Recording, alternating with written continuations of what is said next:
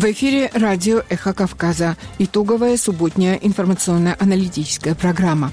Мы вещаем в рамках корпорации «Радио Свобода. Свободная Европа». У микрофона Кейти Боджаришвили. Здравствуйте.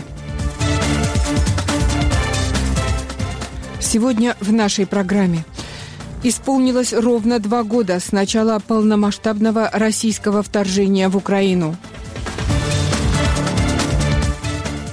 Как прошел первый зарубежный визит премьер-министра Грузии Ираклия Кобахидзе в Брюссель?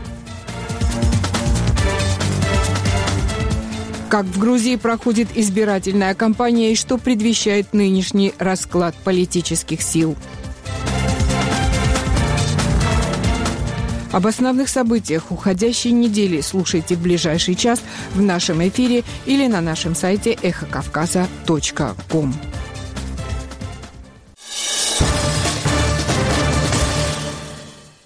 Исполнилось ровно два года с начала полномасштабного российского вторжения в Украину. В Киев прибыли лидеры стран Запада. Те, кто не смог присутствовать лично, пообещали не оставлять страну в ее борьбе с Россией. И если на фронте наблюдается определенный паритет, то дипломатическую войну Москва откровенно проиграла. Попытки российского представителя в ООН представить оккупацию украинских территорий свершившимся фактом не возымели успеха. Москве дали понять, усталость Запада от войны в Украине не более чем миф российской пропаганды. Владимир Унанян с подробностями. Украина отмечает вторую годовщину начала войны. Президент страны Владимир Зеленский обратился к согражданам из разрушенного аэропорта Гастомель, куда в первый же день российского вторжения был высажен десант с целью создания плацдарма для захвата Киева. Спустя более месяца тяжелых боев ВСУ удалось вернуть аэропорт под контроль, а еще через некоторое время в Москве отказались от планов оккупации украинской столицы. По словам Зеленского, Гастомель является символом провала российских планов по осуществлению маленькой победоносной войны. Слава Украине! Я знаходжусь зараз в Гостомелі. Саме звідси мало розпочатись те саме взяти Київ и Украину за три дня. Слава Украине! Я сейчас в Гастомеле. Именно отсюда должен был начаться план взять Киев и Украину за три дня. Это можно сказать одним предложением. Два года назад мы встретили здесь огнем вражеские войска, и два года спустя мы встречаемся здесь с нашими друзьями, нашими партнерами. Наших друзей наших партнеров. Зеленский не случайно привез в Гастомель делегацию западных лидеров, прибывших в Киев. В своем обращении президент Украины подчеркнул, что, как и любой нормальный человек, хочет мира, но и мир должен понять, конец войны может быть только на украинских условиях. Будь-яка нормальна людина хоче, аби війна закінчилась, але ніхто з нас не дозволить, аби закінчилась Украина наша. Любой нормальный человек хочет, чтобы война закончилась, но никто из нас не позволит закончить нашу Украину. Поэтому к словам «конец войны» мы всегда добавляем «на наших условиях». Поэтому к слову «мир» всегда идет слово «справедливый». Поэтому в будущей истории слово «Украина» всегда будет сопровождаться словом «независимая». Мы боремся за это. Уже 730 дней нашей жизни. И мы победим в лучший день нашей жизни. Благодарю всех вас, бойцы. Благодарю наш народ. Я дякую всім вам, воїни.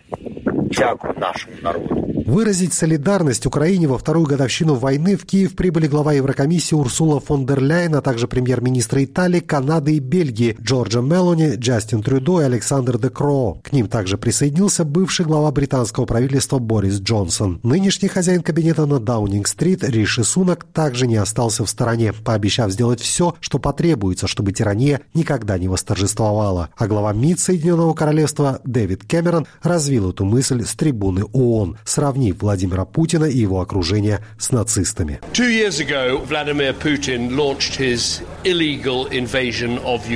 Два года назад Владимир Путин начал незаконное вторжение в Украину без каких-либо оправданий, кроме того факта, что он является поджигателем войны, который хотел построить империю. И два года спустя Организация Объединенных Наций – самое подходящее место, чтобы заявить об этом. Именно здесь, в ООН, мы отмечаем, что границы страны должны быть нерушимыми, что суверенитет страны имеет значения, что территория страны не должна быть захвачена другой страной силой. Это простой принцип, который Путин нарушил, когда начал это незаконное вторжение. Это было вторжение в чистом виде. Люди, ведущие себя как нацисты, это Путин и его приспешники, которые думали, что могут вторгнуться в страну, захватить ее территорию, и в конечном итоге мир отвернется. Что ж, мир не должен отводить взгляд. Мы должны продолжать поддерживать Украину всем, что у нас есть. Их право защищать свою страну, настаивать на своих границах и восстанавливать свой суверенитет. И Великобритания будет продолжать поддерживать их столько, сколько потребуется. Отрадно видеть, что Европейский Союз придерживается того же подхода. И мы очень надеемся, что Конгресс США примет законопроект о финансировании, который объединит ресурсы Америки вместе с нашими, чтобы помочь Украине в этой борьбе.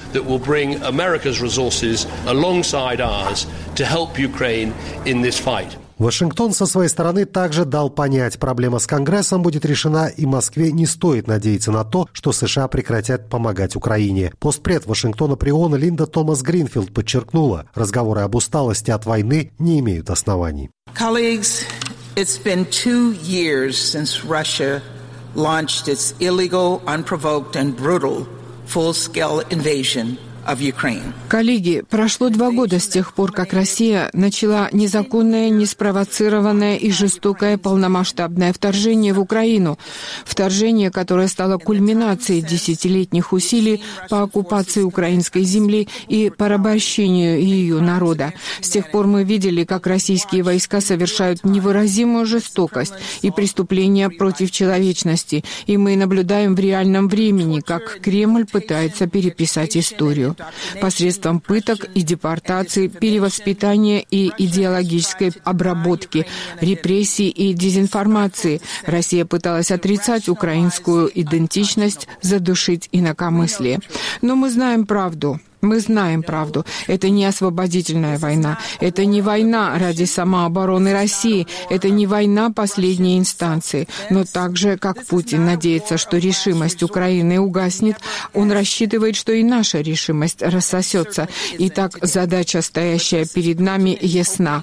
Спустя 10 лет с начала этой кампании и два года с момента полномасштабного вторжения России мы должны продолжать поддерживать Украину и отстаивать международный порядок порядок.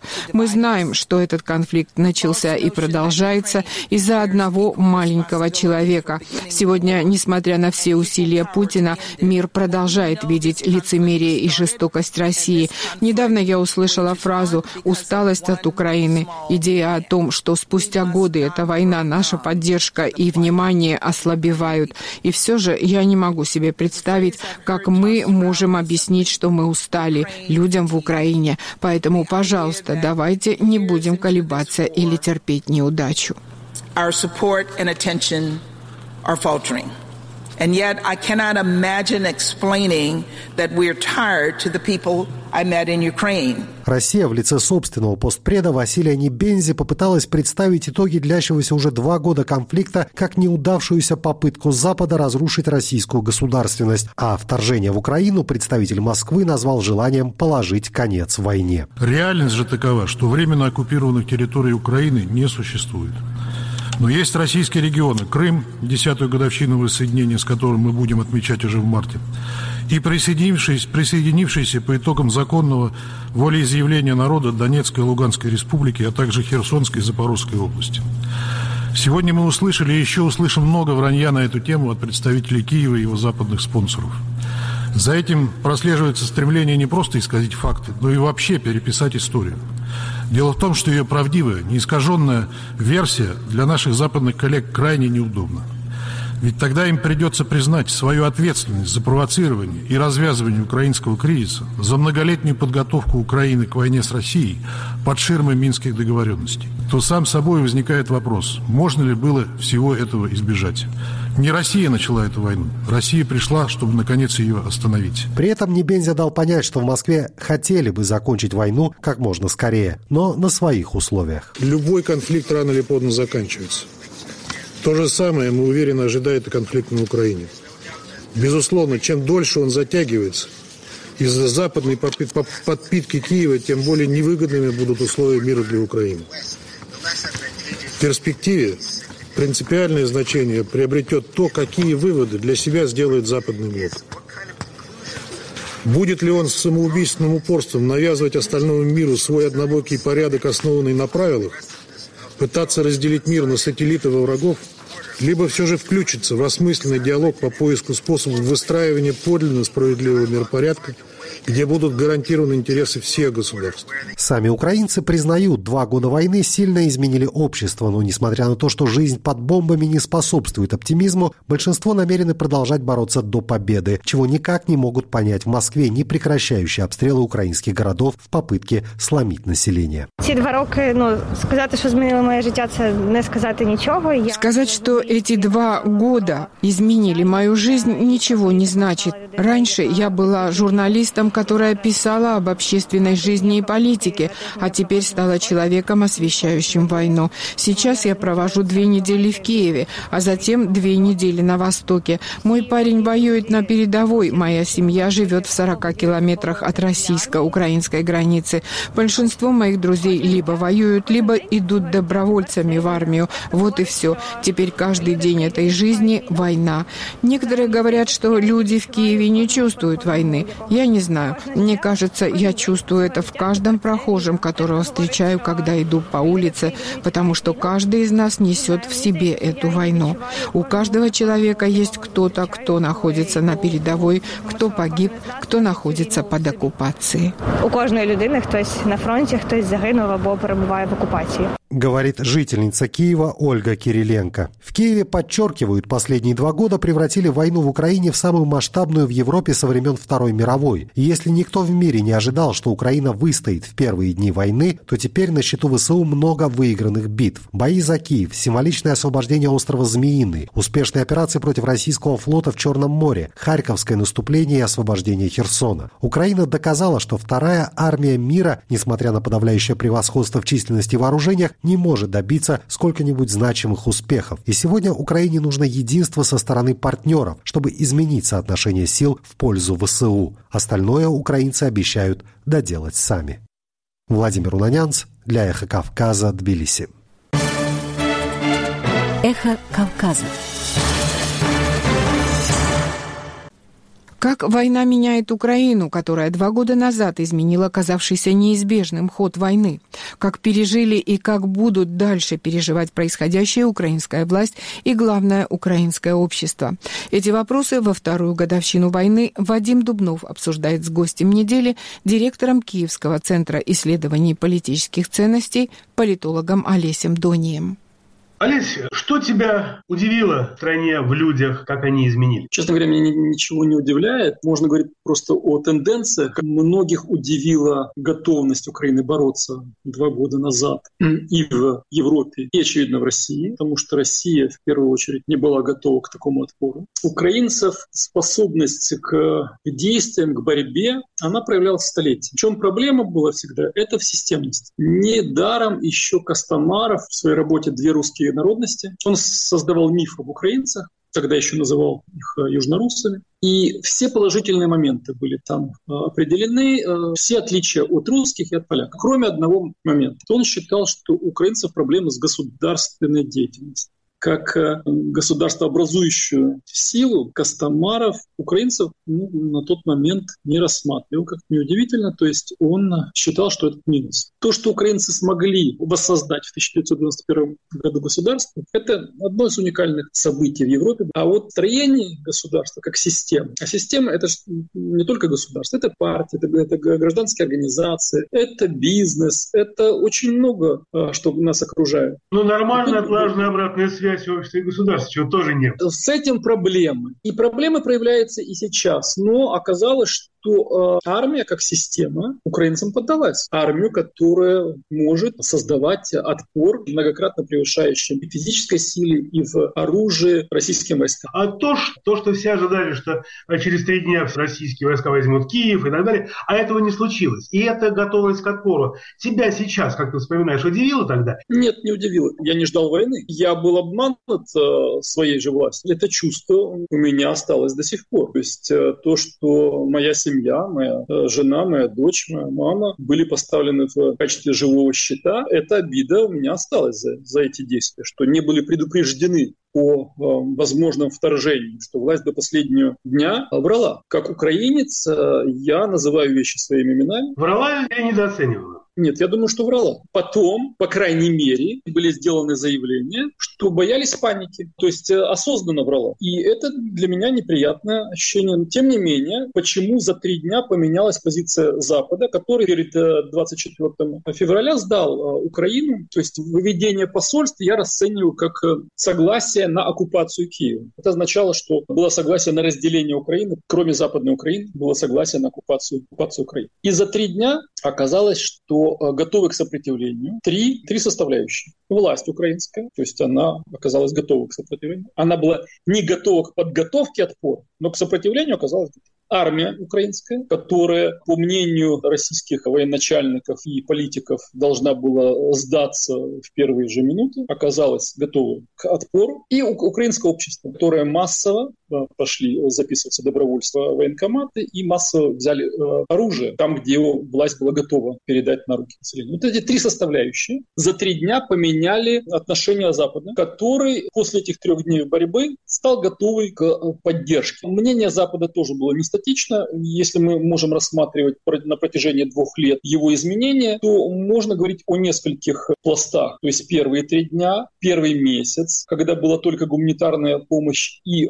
легкое вооружение типа стингеров, э, джавелинов. Через месяц, когда были фото и видео доказательства зверства российской армии в Буче, в частности, пошло среднее вооружение. Где-то э, после Харьковской операции пошло более сильное вооружение. Ну и мы видим, как где-то около года а, происходит уменьшение поставок, а, по крайней мере, а, сознательный саботаж. Он много связан не только с поведением Запада, как по мне была абсолютно большая ошибка со стороны Украины согласиться с Россией на зерновое перемирие. Это была катастрофическая идея, которая подтолкнуло Запад к пониманию, что может быть, значит, переговор и может быть что-то типа перемирия, а значит, не имеет смысла и э, такая поддержка вооружениями Украины. В чем проблема, я вижу, самая большая? Проблема в середине. Украины, э, мы первые месяцы в основном обращались к Западу, и мы все меньше смотрели на внутренние проблемы. А во время всех войн, особенно затяжных войн, все страны и народы, они входят в контакт и делятся между собой навыками, тактикой, то есть происходит взаимообмен. Неудивительно, например, что украинское казачество имело военную терминологию во многом тюркского происхождения от тех татар, с которыми оно боролось, крымских татар, э, перенято от э, тюркских э, народов. А сейчас мы видим, что, например, Россия технологически берет те вещи, которые сначала были в украинском приоритете. Ну, например, дроны вначале более широко применяла украинская армия, теперь, теперь российская. А вот построение общественности общественной жизни, к сожалению, у нас во многом сейчас подвигается именно, ну, как мне кажется, к сожалению, через призму русских влияний. И об, об этом у нас не принято говорить. У нас смотрят только на усиление позиции украинского языка, а то, что Путин нанес колоссальный удар по украинской демократии. Тогда, два года назад, впервые, можно сказать, в новейшей, а может быть и в новой истории Украины, был небывалый резонанс общества и власти. Сейчас есть какое-то ощущение, что вот этот ресурс этого единства, а, который позволял отринуть политику, отринуть разногласия, и вот этот ресурс сейчас иссякает. Я думаю, что вопрос не о единстве, потому что э, общество и власть власти, потому что проблемы есть и в обществе, и не меньше, чем власти. А как раз отступление от демократии власти в значительной мере нормально воспринимается, по крайней мере, активной частью общества. То есть проблема в отступлении от демократии, на и в обществе, и в власти. Мне кажется, аналогично. В первых же дней власть приняла неправильное отношение к, и к обществу, а общество к этому э, это восприняло абсолютно неадекватно, то есть э, согласилось с этим. Что я имею в виду? Мне кажется, что катастрофически э, неправильное сразу же было решение, которое задало тон. О закрытии э, государственной границы да, для мужчин. Почему вот такое, казалось бы, ну, незначительное решение, оно стало триггером для всего, ну, подальших действий власти? Те дни, когда большинство воен, военкоматов было просто переполнено от э, очередей мужчин, которые записывались добровольцами, власть принимает решение о закрытии границ. То, то есть означает недоверие к обществу и означает, что подход власти к наполнению армии будет репрессивным, а не мотивационно. Во время Второй мировой войны э, советская э, армия потеряла начально ну, там, порядка двух миллионов человек пленными. И для того, для того, чтобы остановить процесс сдачи в плен, Сталин, советская власть, вернее, в силу репрессий к родственникам тех, кто э, сдался в плен, заградотряды. То есть я к чему? Что репрессии, они только может, ими можно изменить ситуацию, потому что два подхода к наполнению армии. Мотивационный и репрессивный. Но тогда их необходимо усиливать. Какая была альтернатива альтернатива в, той, в состоянии государства, в котором Украина встретила войну? Абсолютно, потому что мотивационный потенциал колоссальный. Многих не брали, в, ну, не брали через там, болезни, через военкомат. Я, например, тоже пошел записываться добровольцем 2 марта, но таких было много. То есть мотивационный потенциал был колоссальный. Но его, конечно же, может не э, хватить, если оценивать демографический ресурс. И тут, опять-таки, есть проблема непонимания власти. То есть э, недостаточно э, ума, недостаточно квалификации. Что я имею в виду? Власть не была готова к долгосрочной войне ментально. То есть это же не только Арестович с его двумя-тремя неделями, но и э, другие руководители, которые обещали войну за полгода, за несколько месяцев, пить кофе в э, Ялте набережной через полгода. И так, когда я год назад сказал, что войне приблизительно, приблизительно 15 лет, исходя из жизненного цикла Путина, то меня даже э, э, друзья не очень понимают. А я исходил из того, что пока живой Путин, как минимум пока живой Путин, война будет э, продолжаться. То есть я не вижу вариантов завершения войны при живом Путине. И все мы хотим его смерти там за день, а он может прожить, как Киссинджер, сто лет. Я выходил, что приблизительно биологический математический подход – это половина жизни Киссинджера. То есть это 15 лет, потому что ему еще всего-навсего 70. Если война 15 лет, к ней надо быть готовым. Это означает, что э, если война короткая, то власть дел, делает все правильно. Она ездит э, на Запад и просит деньги и э, оружие. А если 15 лет, то надо строить заводы в Украине, что власть два года не делала. Крайне мере, не делала в, в необходимом количестве. Могу это утверждать, как человек, который много общался с э, теми, кто э, изготавливает дроны в Украине. Второй мобилизационный ресурс. Не, не хватит украинского. Значит, надо было смотреть на российский мобилизационный ресурс. А это значит изменять стратегию отношения к россиянам. Не только эти 30 человек, которые воюют в русском добровольческом э, батальоне, там «Свободная Россия», кажется, называется, а совершенно другой какое надо было отношение иметь. И делать российские э, дивизии, значит, э, воевать за демократию в России. А это, это принципиальное изменение вообще всего подхода ко всему а, российскому? Абсолютно, абсолютно. Тобто не на этнической основе, а за демократию в России. А у нас не только власть, у нас общество к этому не готово. Вот почему, что я говорю, что у нас проблема общественная сейчас. А просто демографический украинский ресурс, его может не хватить. Власть изменила за эти два года, она научилась чему-то. Я боюсь, что а, наоборот. То есть она идет от обратного, потому что, опять-таки, власть захотела быть вечной. И это тоже вопрос, который я уже год поднимаю. О том, что если, если опять-таки, война в долгую, в 15, 15 э, лет, а не полгода, значит, надо думать о выборах. Почему я говорю, что Путин нанес э, удар по демократии? Демократия, она предполагает еще выборный процесс. То есть чем мы отличались, э, отличались от России в лучший способ. Да? То есть у нас была выборность власти, и у нас была инклюзивность общества большая, чем чем в России. И вот эти две вещи мы, мы сейчас утрачиваем. Они от нас уходят. Тебе возразят, а чего ты хотел во время войны? Во время войны, которая на самом деле идет, так. идет гораздо более удачно, чем многие ожидали. Да, это, и э, я понимаю, что есть объективные предпосылки и к усилению агрессии внутренней в обществе, и к тому, что э, власть, э, по крайней мере, прикрываясь военным положением, она не готова к выборам, ну и общество в значительной мере, как показывает социология, не готово к выборам. Поэтому Поэтому я говорю, что удар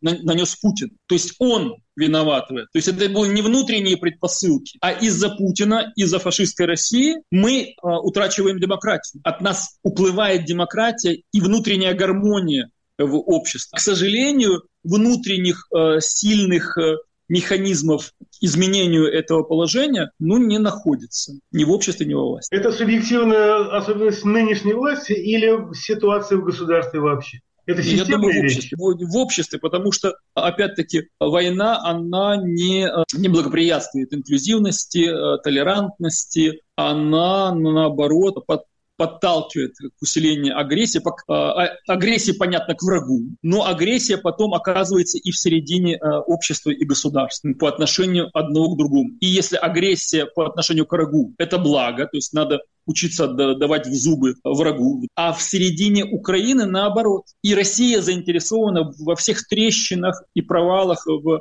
между в середине украинского общества. По языку, по регионах, политических, каких угодно. То есть чем больше будет расколов, э, это будет в интересах Кремля, а расколов все больше и больше. И расколы, и усталость общества от войны, о которой все чаще тоже говорят, и о второй годовщины войны Украина, если я правильно понимаю, встречает но не с таким вдохновением подъема, который наблюдался еще год, год назад, скорее наоборот. Это обратимо, при, при том, что Абсолютно. Есть, э, успехов на фронте не ожидается. Смотри, вот почему я еще год назад говорил о 15-летнем цикле. Если ты готовый к этому, то ты, если ты предполагаешь такую возможность, то ты готовишь и ресурсы. А ресурсы это не только армия, это и психологический ресурс. То есть если ты осознаешь, что война в долгую, то ты готовишь, э, опять-таки, твое окружение, себя психологически. Ты думаешь, как э, обеспечить свою жизнь в таких условиях войны. А если тебе постоянно говорят, тебе врут, что война закончится победой через полгода, через год, то у тебя будет фрустрация через год. То есть, когда ты осознаешь, ну, что, к сожалению, тебя не, неправильно информировали как минимум. Поэтому я за правду. Я, а, даже если она болезненная, но тем не менее, правда больше подготовит общество.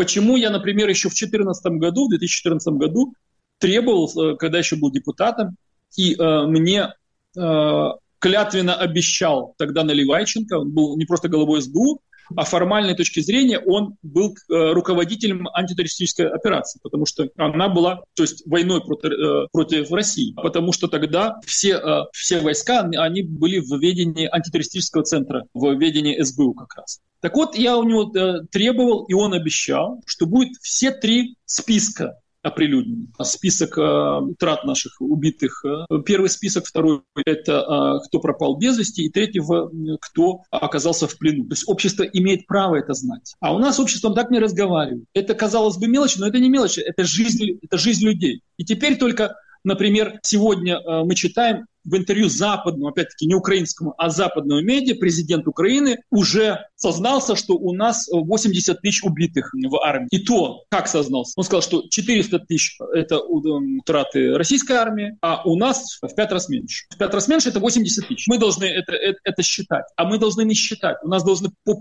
каждому фамилии знать этих людей. Должна быть честность по отношению э, к обществу, к, к семьям Э, тех, кто отдал э, своих мужей или э, отцов на войну. К сожалению, вот такой честности нет. И это опять-таки вот это, это русское влияние. Вот оно и из-под мы, мы теряем, мы теряем основы демократии, которыми мы гордились. Это очень неприятно. То есть это, это, это проблема. Мы говорим о войне в долгую. Но есть ли понимание и у власти, и у общества, что а, надо на ходу перестраиваться. То есть, в общем, как бы а все равно перестраиваться придется. Но готова ли власть возглавить это перестраивание, а, а общество пойти за ним снова также в том же резонансе, а, в котором это было два года назад? Или это уже утеряно? Альтернативы власти нет. Когда я критикую власть, я осознаю, что мы не можем, э, в отличие от мирного времени, выводить людей на митинги, демонстрации, и мы можем критикой лишь попытаться влиять на нее, надеясь изменить ее модель э, поведения. Но это очень э, проходит ну, достаточно туго, потому что, опять-таки, политики нет сейчас, то есть она объективно стала жертвой этой войны. И политической критики а, нет, она уменьшена в разы. Медийный ресурс, он тоже объективно монополиз... монополизированный, поэтому возможности влиять на власть не так-то много. Сейчас возможности влиять на власть, они сконцентрированы в основном на Западе, а не в украинском обществе. Поэтому мы доносим свои идеи очень часто на Запад вначале,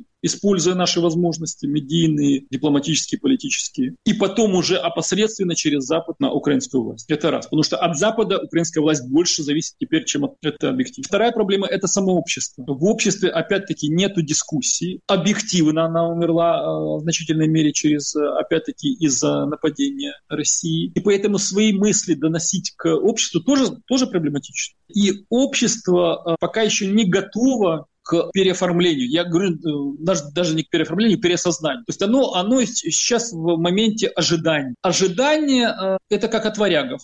То есть кто-то э, извне должен дать идею. Э, таких варягов или они могут быть на Западе, а в Украине не общество, буквально несколько сейчас персонажей, которые могут дать э, ожидаемые идеи. Кроме Зеленского, который пользуется самой большой поддержкой э, как представитель власти, это сейчас только Залужный, объективно. То есть независимо от того, что он потерял статус главнокомандующего, если он, например, напишет какую-то статью или ему напишут статью, он подпишет, и она выйдет на Западе, это будет иметь колоссальное влияние на общество.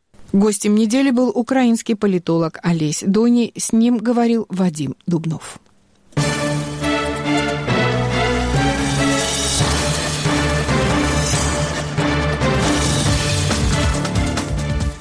Вы слушаете итоговую субботнюю информационно-аналитическую программу на радио «Эхо Кавказа». Время краткого выпуска новостей. Глава Еврокомиссии прибыла в Киев в ночь на 24 февраля во вторую годовщину начала полномасштабного российского вторжения в Украину. Урсула фон дер Ляйен – одна из первых зарубежных гостей, решивших приехать в Украину по случаю, как она сама написала в соцсети X, мрачной годовщины. Мы еще более решительно, чем когда-либо поддерживаем Украину финансово, экономически, в военном отношении, морально, до тех пор, пока эта страна, наконец, не будет свободной, отметила по прибытии в Киев Киев Урсула фон дер Ляйен.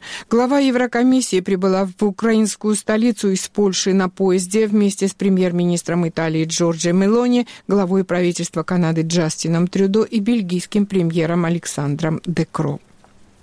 Президент Украины Владимир Зеленский в день второй годовщины начала полномасштабной российской агрессии записал видеообращение в аэропорту Гастомель под Киевом, где 24 февраля 2022 года начались бои украинской армии с российскими десантниками.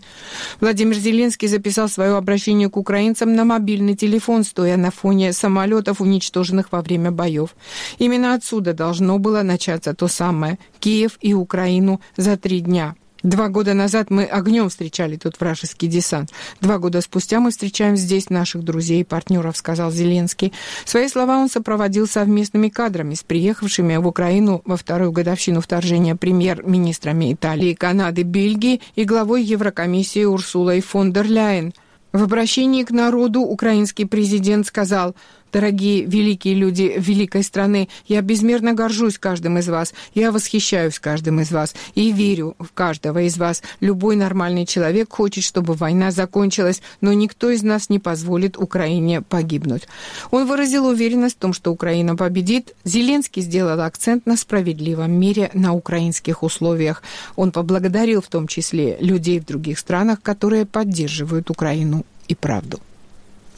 Великобритания объявила 24 февраля о новом оборонном пакете для Украины на сумму в 245 миллионов фунтов стерлингов. Как отмечается, эти средства помогут увеличить производство крайне необходимых артиллерийских боеприпасов для Украины спустя два года после начала широкомасштабного российского вторжения. Британский министр обороны Грант Шепт подчеркнул в своем заявлении, что вооруженные силы Украины, несмотря ни на что, отбили значительную часть земель, захваченных Россией после начала вторжения в феврале 2022 года. Но украинцы не смогут выиграть эту войну без поддержки международного сообщества, добавил Шепс. В Лондоне Лондоне заявляют о готовности и дальше делать все возможное, чтобы Украина могла продолжать бороться за свою победу. Президент Грузии Саломе Зурабишвили в годовщину начала полномасштабного вторжения Российской Федерации в Украину заявила, что и спустя два года ожесточенных боев Россия не победила. Прошло два года, но Россия не победила. Россия не смогла сломить Украину и вашу силу. России не удалось разделить Европу и отделить вас от Европы. Солидарность с вами единодушна, поддержка на лицо. А успех и победа за вами, заявила Саломе Зурабишвили в видеообращении к Украине. Премьер-министр Грузии Иракли Кобахидзе подчеркнул, что Грузия твердо стоит на стороне дружественного украинского народа, что выражается не только словами, но и в мощной политической и гуманитарной поддержке. Заявление главы правительства распространяет администрация. Ровно два года назад огромная несправедливость обрушилась на головы нашего дружественного украинского народа. Российская военная агрессия унесла жизни десятков тысяч украинцев, в том числе сотен детей. Более 10 миллионов человек стали беженцами, экономика и инфраструктура страны были разрушены, а 20% территории Украины было оккупировано, говорится в заявлении премьера Грузии. Экс-президент Михаил Саакашвили пишет, что все эти два года войны против российской агрессии его больше всего мучает, что он не находится в Украине. Дорогая Украина, все эти два года меня больше всего мучает то, что я не нахожусь в Украине и лишен возможности бок о бок защищать тебя вместе с моими дорогими героическими защитниками, которыми горжусь и по которым так скучаю. Скорой заслуженной победы, в которой ни минуты не сомневаюсь. С любовью, Михаил Саакашвили приводит текст письма «Сова». Это был краткий выпуск новостей на радио «Эхо Кавказа».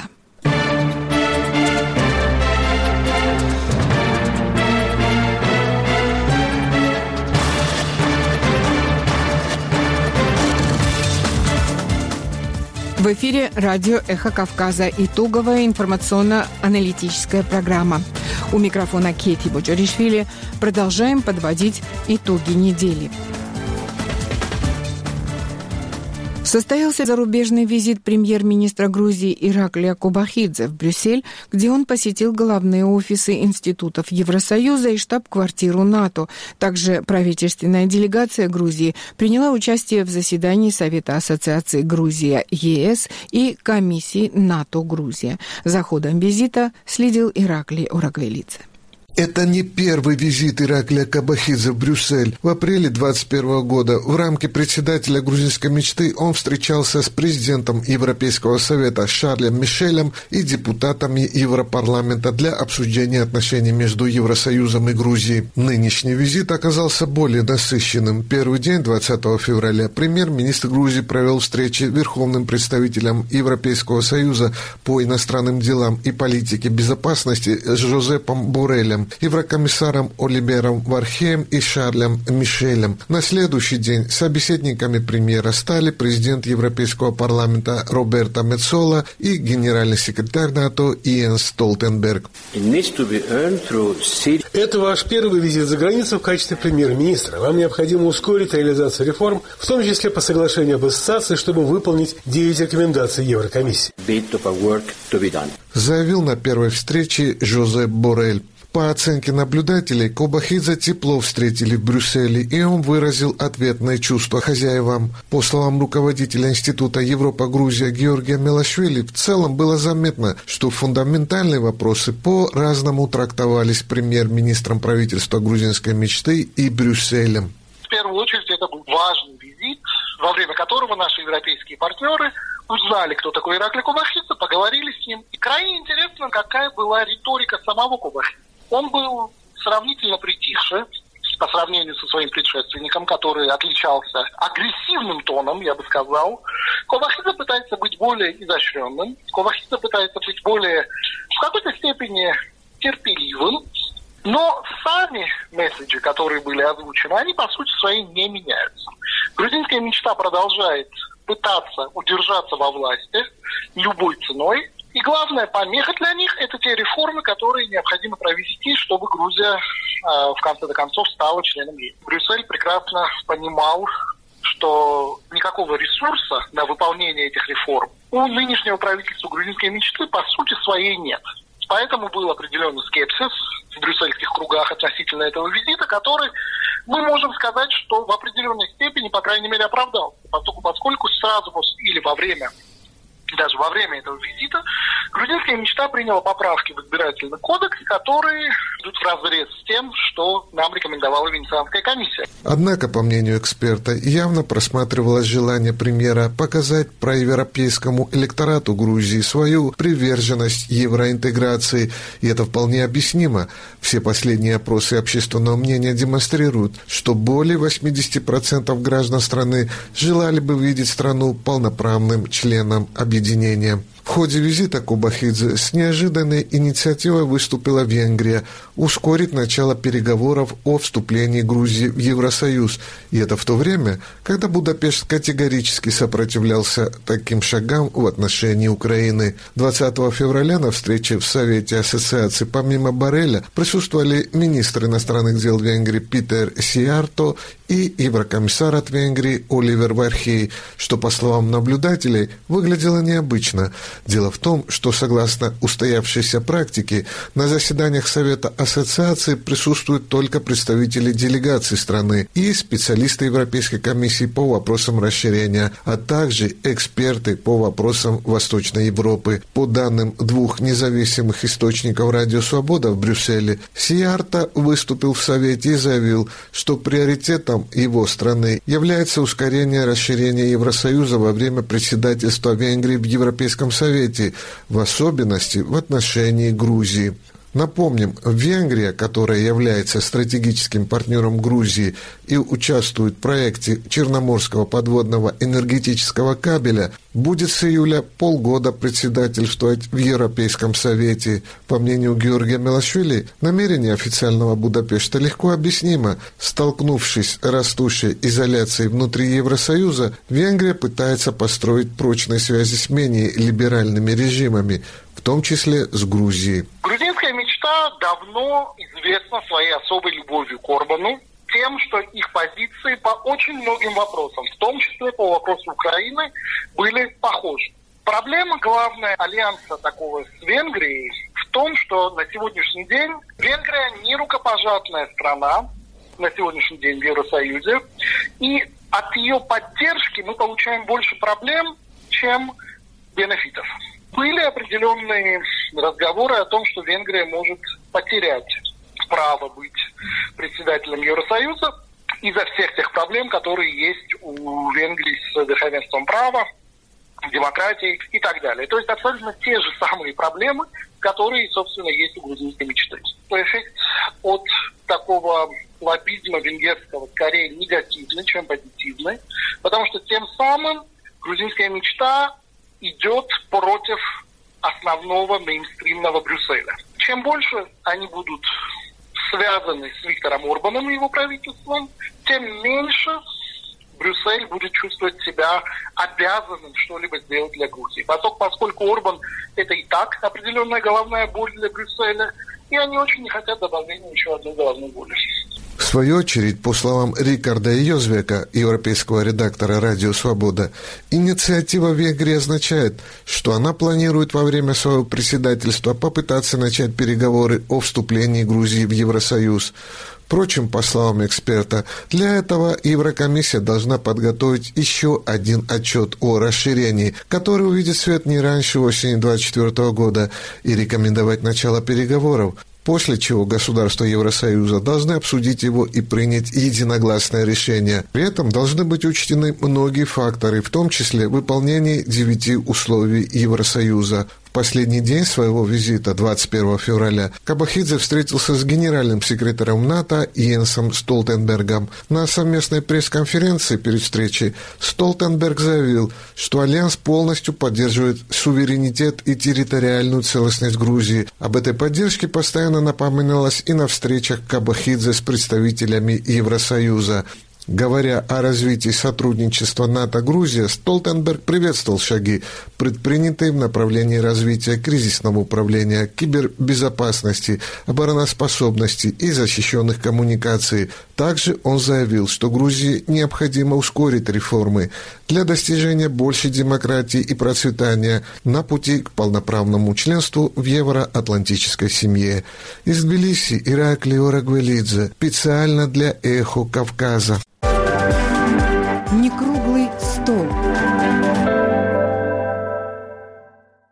Предвыборная кампания в Грузии проходит в ситуации, когда правящая партия, боясь потерять власть, идет на все, чтобы ее укрепить, а оппозиционные партии, понимая, что без объединения правящую партию не одолеть, тем не менее делают все, чтобы это не случилось.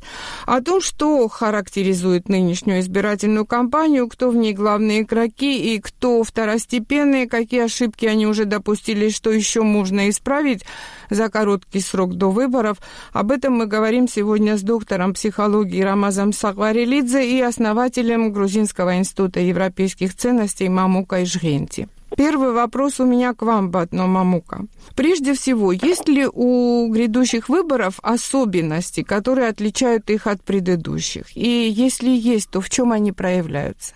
Да, ну, отличающая черта этих э, наступающих выборов заключается в том, что нам э, Евросоюз э, дал этот подарок, незаслуженный, но подарок, и дал нам статус кандидата. И есть там конкретные условия. И первое условие, самое главное, что не только потому, что это где-то записано, а потому, что это является частью европейских ценностей, частью европейских стандартов. Если государство хочет присоединиться к европейской семье и, допустим, к Евросоюзу, то элементарный, самый базисный стандарт – это чтобы выборы проходили демократично и свободно в соответствии с европейскими стандартами. Правильно? Поэтому в этом случае, если мы хотим двигаться вперед, и это кандидатство не осталось, как это было и в других э, случаях, это не будет первый раз, но на 20 20-30 лет и так далее, то есть просто на бумаге.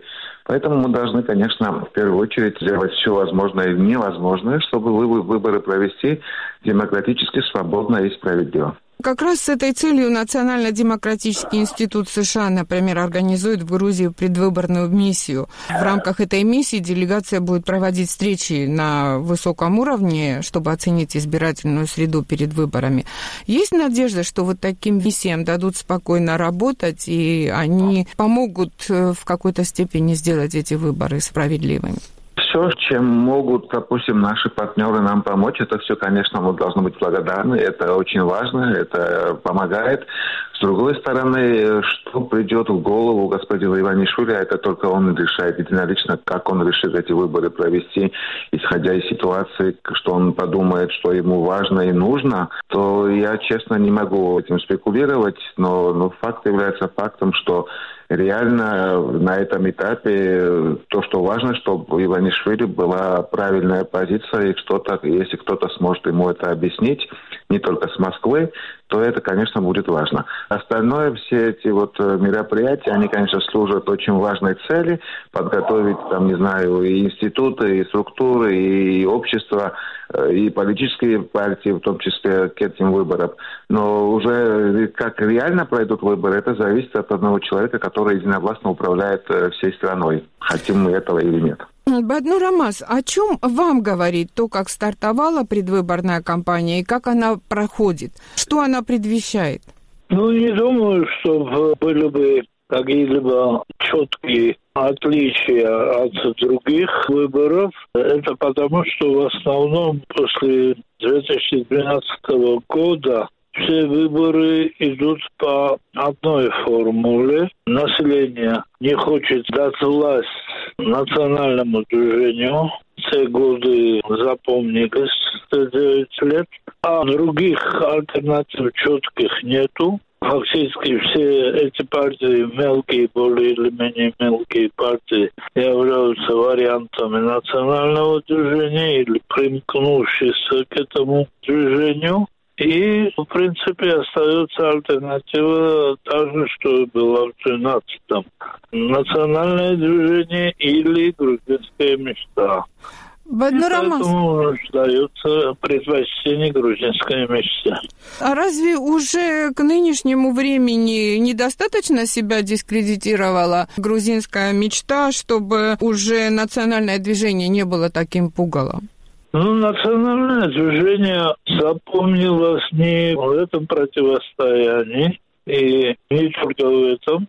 У нее было, повторюсь, 9 лет, и эти 9 лет э, для людей ассоциируются с убийствами, с тем, что пренебрегли правами человека, с людьми в тюрьмах в большом количестве. А грузинская мечта с бесконечной ложью своему народу. Я в данном случае высказываю мнение ваших коллег. Ну, во всяком случае, ложь не заставляет томиться в тюрьме. Ну. Поэтому я подчеркиваю, что альтернативы нет.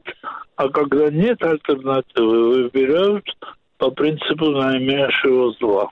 То есть этим вы хотите сказать, что те же позиции у грузинской мечты и сегодня, что и были, скажем, в предыдущих выборах? Да, практически ничего нового мечта не предлагает и незачем ей предлагать.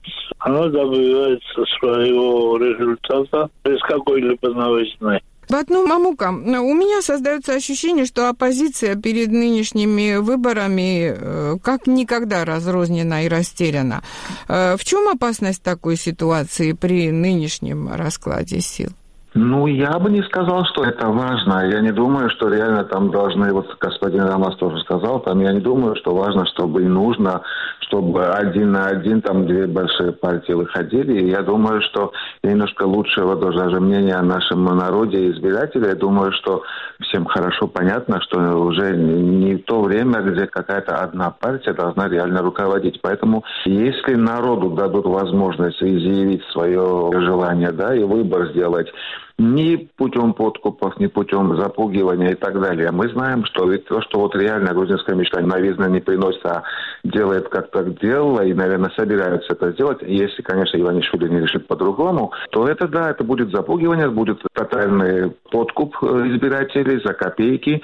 И вот в этом случае, да. Но в другом случае, я думаю, что если выборы пройдут демократически, если у народа будет возможность изъявить свою волю, то нету ни шансов ни у национального движения, конечно, ни у грузинской мечты, ни у одной партии. Я думаю, что нормально это даже, чтобы иметь э, не то что конституционное, а даже большинство. Я думаю, что уже наступило время, чтобы у нас должны быть какие-то коалиции, и это должно идти к этому. Для этого не обязательно, чтобы там именно на выборах выступали два блока «Грузинская мечта», то есть Иванишвили. Почему я это сказал, я это объясню через секунду. И, с другой стороны, национальное движение. Там есть много партий и со стороны Иванишвили, Альянс патриотов и вот эти все прорусские партии, и со стороны, допустим, вот как господин Роман сказал, что есть там как бы сателлиты. Я не сказал, что это и сателлиты и одной и другой партии, а просто разные маленькие, да, пока что маленькие, но я думаю, что вот нормальное будущее для страны заключается в том, что у нас парламент должен быть многопартийным, править должны коалиции, а не одна какая-то партия или один человек. А что касается, почему я уточню, почему я сказал Иванишвили, а не грузинская мечта. Господин Роман сказал, что там есть разница между плохим и худшим, но тут можно, думаю, что и народ это хорошо понимает, я думаю, что все понимаем, и вы, и господин Роман, что а если мы посмотрим на грузинскую мечту, э, то, что вот как будто помнит народ за 9 лет, кровавые 9 лет, как часто грузинская мечта и Иванишвили говорят о власти, допустим, национального движения, но эти одиозные фигуры, за исключением некоторых, они все сейчас в грузинской мечте. То есть если сейчас посмотреть, сколько людей этих одиозных тех времен национального движения, их больше осталось в грузинской месте, чем национальное движение. Поэтому я не думаю, что этот аргумент очень уж важен, потому что мы реально знаем, что все те люди, которые были в правоохранительных органах, в других структурах, которые реально занимались тем, чем народ был недоволен, нетолерантной политикой в отношении криминала и так далее эти все люди проявляют уже еще с худшей стороны себя уже в грузинской мечте. Поэтому тут я думаю, что единственное, что реально сможет в конце концов в Грузии провести выборы, что происходит практически везде, во всем, во всей Европе. У нас только такая ситуация. Даже в Азербайджане, по-моему, там выборы более реально отображают э, как бы волеизъявление народа, чем в Грузии. Народу должны дать возможность, и это зависит только от Иванишвили и от наших европейских и западных партнеров, которые как-то должны объяснить Иванишвили еще лучше, для него понятным языком, а у него язык, я думаю, такой же, как, допустим, у Путина, но с ним, я думаю, что все-таки легче общаться, у него меньше возможностей вести себя как Путин. Но ему нужно объяснить, что в конце концов он реально должен дать народу э, сделать какой-то выбор. Я надеюсь, ему пообещают какие-то хотя бы гарантии. И в том случае, конечно, если грузинская мечта в этом случае проиграет. Я не исключаю, еще раз повторю, если народ так решит, что нам нужна грузинская мечта, но при справедливых выборах, пусть остается грузинская мечта. Тогда народ должен определиться, ему хочется в Европу, иметь нормальное государство или быть сателлитом России. Но еще раз повторяю, тут даже не в этом. Это решение народа. Я буду уважать, и мы должны уважать любое решение народа. Но у народа должна быть возможность это, это волеизъявление в реальности провести. У народа должна быть возможность у избирателей решать, что и как им надо для своего государства, для своих детей, для своего будущего. Вот и вся, вот и вся история. А что касается, допустим, э, грузинской мечта или Иванишвили, я не думаю, что какие-то новизны нужны. Я думаю, что просто элементарно все должны работать, включая оппозицию. Во-первых, чтобы реально людям объяснить, что и как происходит. Не надо объединяться, просто нужно людям объяснить, в чем заключается э, цель этих выборов, в чем заключаются риски этих выборов и что может случиться, если выборы будут э, демократичными и свободными. Вот в этом заключается основная цель и, допустим, э, идея оппозиции, которая она должна намного лучше превращать в жизнь, чем она этим сейчас занимается, к сожалению. Как-то просто у вас все... Не, еще повторяю, если Иванишвили решит провести, и у него будет желание и готовность дать народу сделать выбор без подкупа, без запугивания, без фальсификации. Хотя думаю, что фальсификация это самая меньшая проблема. Тут больше проблем вот с подкупом и с запугиванием, да. То я думаю, и еще один вопрос это насчет диаспоры. Я думаю, что вот как в Молдове мы должны дать больше возможностей диаспоре, допустим, принимать участие. И когда в свое время на выборах 2013 года, когда вся грузинская тогдашняя оппозиция Иванишвили и так далее кричали кричали практически в упор, что вот не дают возможность нашей диаспоре голосовать, потому что не открывают достаточно пунктов избирательных, то я думаю, что вот они хотя бы сейчас, то, что они обещали или требовали 13 лет или 12 лет назад, они сейчас должны сами как-то в конце концов исполнить. У диаспоры должна быть возможность повлиять и играть роль в строительстве своего государства. Батну Рамас, вы да. хотели бы возразить? С большим уважением отношусь к Владимиру Мамукину, не к той позиции, которую он защищает. Потому что ну, очень часто слышны эти формулы. Президент Журабишвили сейчас как раз несколько дней тому назад сказала, что надо думать о коалиционном правительстве и так далее. Ну, напомню, что коалиционное правительство в любой стране создается не политической волей того или иного правителя, а определенным соотношением сил. И если не будет ситуации, той ситуации, которую сейчас наблюдаем, когда одна партия может сформировать правительство, исходя из полученных мандатов, то поставить вопрос о коалиционном правлении не имеет смысла. Коалиции создаются по вынуждению, когда не хватает голосов, мандатов и так далее. Так что опять-таки все идет к тому, что нет соответствующей сильные альтернативы в грузинском политическом спектре. Есть только две более или менее сильные, все остальные довольно слабые. И если сейчас поставить перед кем-либо вопросы социологические исследования, так и ставили вопрос, кого бы вы хотели видеть, допустим, в правительстве, ну, побежденном э, парламенте, Ответы были практически одинаковыми. В социологии тоже не фигурирует другая партия. Ведь социологию уже не подкупают. Подкуп и другие вещи ведь происходят в реальных выборах, а не в социологических исследованиях. Следовательно, в социологических исследованиях мы должны получить более или менее реальную картину приоритетов населения. А в этих исследованиях опять э, та же самая картина. Э, это население не хочет привести к власти национальное движение, и поэтому отдает предпочтение мечте. Вот и все. Ну, отсутствие шанса создания коалиции – это издержки, может быть, избирательного законодательства, а не слабости оппозиции? Нет, при чем тут законодательство? Если выйдет какая-либо либо партия, и ей не хватит э, голосов, то будут вынуждены создать коалицию. Э, но коалицию... Нет, ну барьер можно снизить. До каких пор можно снизить барьер? Ведь в 220-м был низкий барьер. Что мы получили?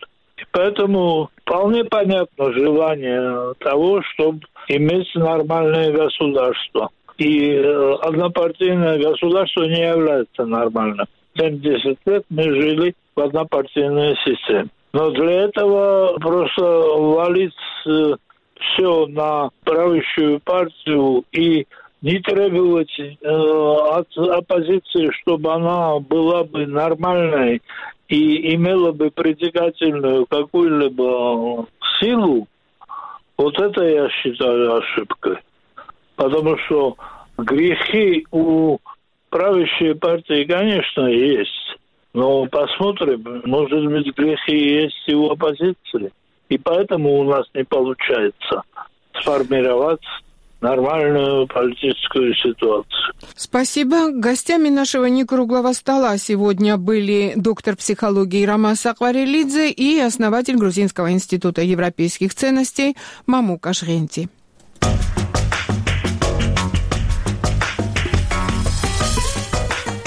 Вы слушали субботнюю итоговую информационно-аналитическую программу на радио «Эхо Кавказа».